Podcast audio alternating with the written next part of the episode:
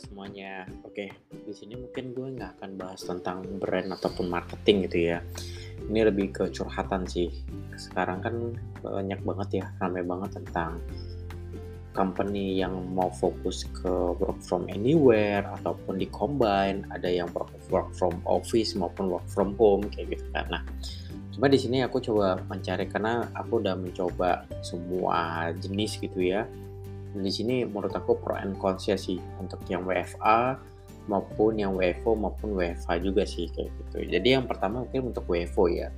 Secara good point adalah lebih efektif kalau menurut aku ya lebih efektif pada saat kita mau brainstorm ataupun ada merasa tidak kesepian ya tentunya karena kita banyak teman gitu ya dan juga uh, kita ada moral support lah ya pada saat mengerjakan suatu project itu kayak feel beramai-ramainya tuh ada gitu. Jadi walaupun stres apa pun kerjaan di office itu tuh lumayan ada sedikit inilah ya sedikit moral supportnya lah ya.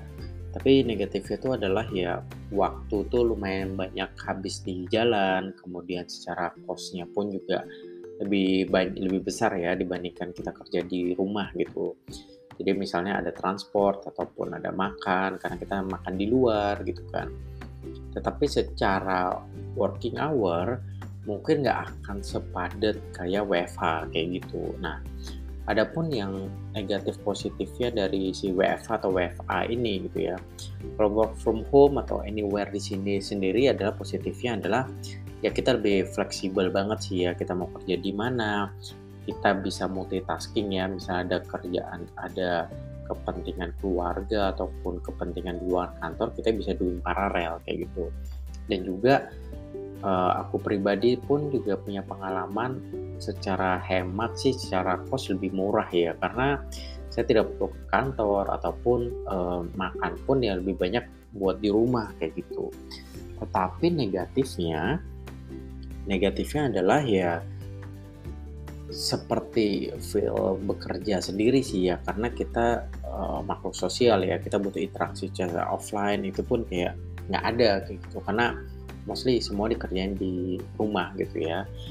Ataupun yang kedua adalah kalau misalnya kita tuh lagi pingin um, ngobrol-ngobrol pun juga agak susah kayak gitu. Karena uh, tidak adanya kontak offline yang untuk mendapatkan feel itu sih seperti itu.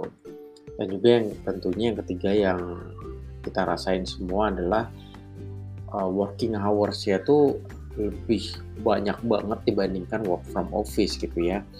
Jadi uh, secara tingkat stressful ataupun tingkat uh, workloadnya sendiri tuh kayak lebih banyak dibandingkan work from office kayak gitu. Nah menurut teman-teman gimana? Apakah sependapat sama aku ataupun ada pandangan lain kayak gitu? Mungkin bisa sharing ataupun bisa buat podcast juga gitu ya untuk menjawab dari pertanyaan aku ini. Oke, sampai sekian sih uh, curhatan cerita bread kali ini. Thank you.